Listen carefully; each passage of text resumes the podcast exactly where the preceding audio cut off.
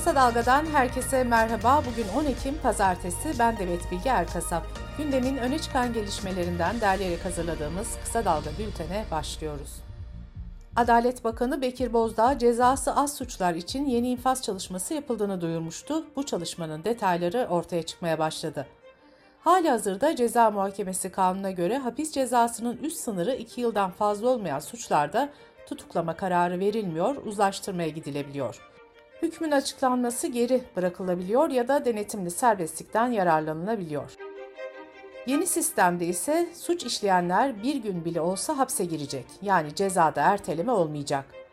Türkiye gazetesindeki habere göre AKP'li kaynaklar bu düzenlemenin nedenini trafik magandaları, hırsızlık, dolandırıcılık, sokakta şiddet gibi kamuoyunda infial yaratan suçlarda faillerin cezasız kalmasını engellemek olarak açıklıyor. Cumhur İttifakı'nın dezenformasyonla mücadele, muhalefetin ise sansür yasası olarak tanımladığı kanun teklifine Venedik Komisyonu'ndan da eleştiri geldi.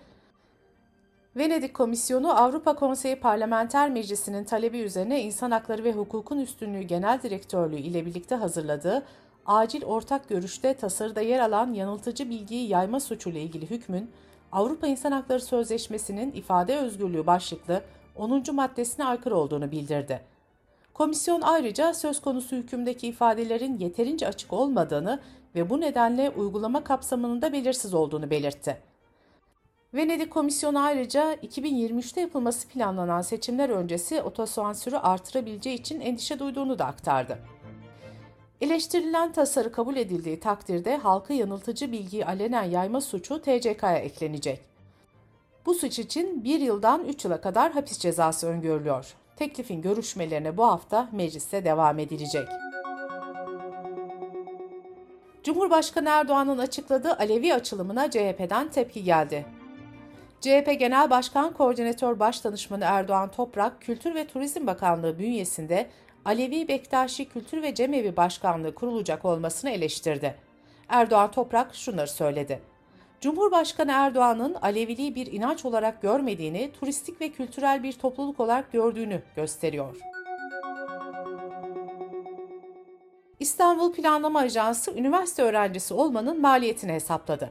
İstanbul'da ailesinin yanında kalan bir üniversite öğrencisinin yıllık toplam yaşam maliyeti yaklaşık 22 bin lira olurken KYK yurdunda kalan öğrencinin maliyeti 28.554 lira, özel yurtta kalan öğrencinin maliyeti ise 61.518 lira oldu. Öğrenci evinde kalan bir üniversitelinin ise yıllık maliyeti 64 bin lira olarak hesaplandı. Profesör Doktor Naci Görür Twitter'dan yaptığı açıklamada 25 Ekim'de Türkiye'den de görülecek güneş tutulması ile ilgili uyarıda bulundu. Naci Görür, güneş tutulması fay hatlarını etkiler mi sorusuna cevap verirken bardağı taşıran son damla rolü oynayabilir dedi. Antalya Büyükşehir Belediyesi'nin ev sahipliğinde düzenlenen 59. Antalya Altın Portakal Film Festivali tamamlandı. Altın Portakal'ın en iyi filmi Özcan Alper'in yönettiği Karanlık Gece oldu. Emin Alper imzalı Kurak Günler geceden en iyi yönetmen ödülü dahil 9 ödülle ayrıldı. Törende yapılan konuşmalarda gezi tutuklularına selam gönderildi, özgürlük mesajları verildi. En iyi erkek oyuncu ödülünü alan Erol Babaoğlu ödülü gezi tutuklularına adadı. En iyi yönetmen ödülünü alan Emin Alper de konuşmasında gezi direnişçileri kazanacak dedi. Gezi davasında tutuklu olan Çiğdem Mater'e de Cahide Sonku ödülü verildi. Kısa Dalga Bülten'de sırada ekonomi haberleri var. AKP içinde ekonomik aflarında bulunduğu 52 maddeden oluşan torba kanun teklifini meclise sundu. Teklifte özette şu maddeler var. KYK'dan öğrenim kredisi almış ve ödeme dönemi gelmiş öğrencilerden bugüne kadar enflasyona endekslenerek getirilen borçlarından ana para dışında tahsilat yapılmayacak.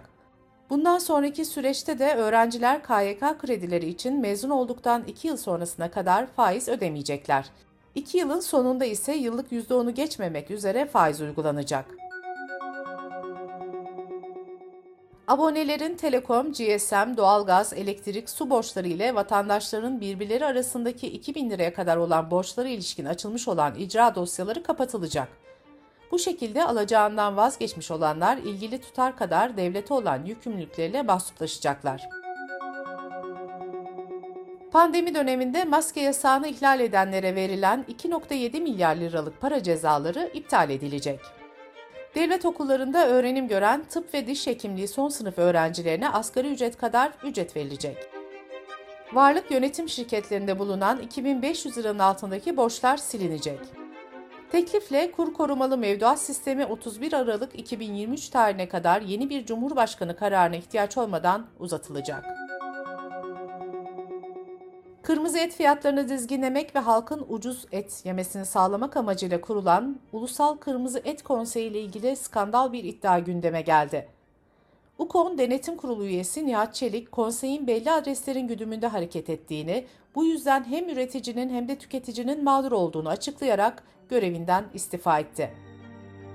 Çelik, kırmızı eti üreticiden çok ucuza toptan satın alan büyük şirketlerin aynı eti tüketiciye 3 kat fiyatla sattığını, konseyin de bu sisteme göz yumduğunu savundu. Süt ve süt ürünlerine gelecek hafta büyük zam yapılacak. TÜSEDAT Yönetim Kurulu Başkanı Sencer Solakoğlu, önümüzdeki hafta sütün litre fiyatına 2,5 lira zam geleceğini söyledi. Solakoğlu ayrıca ciddi bir hayvan krizi yaşandığını belirterek uyarılarda bulundu. Petrol ve uluslararası ürün fiyatları ile dolar kurundaki artış akaryakıtta yeniden zam yağmurunu beraberinde getirdi. Sektör kaynaklarının aktardığına göre bu gece motorinin litre fiyatına 1 lira 39 kuruş zam gelecek. Motorine bundan önce 1 lira 53 kuruş, 1 lira 38 kuruş, 1 lira 10 kuruş zam gelmişti.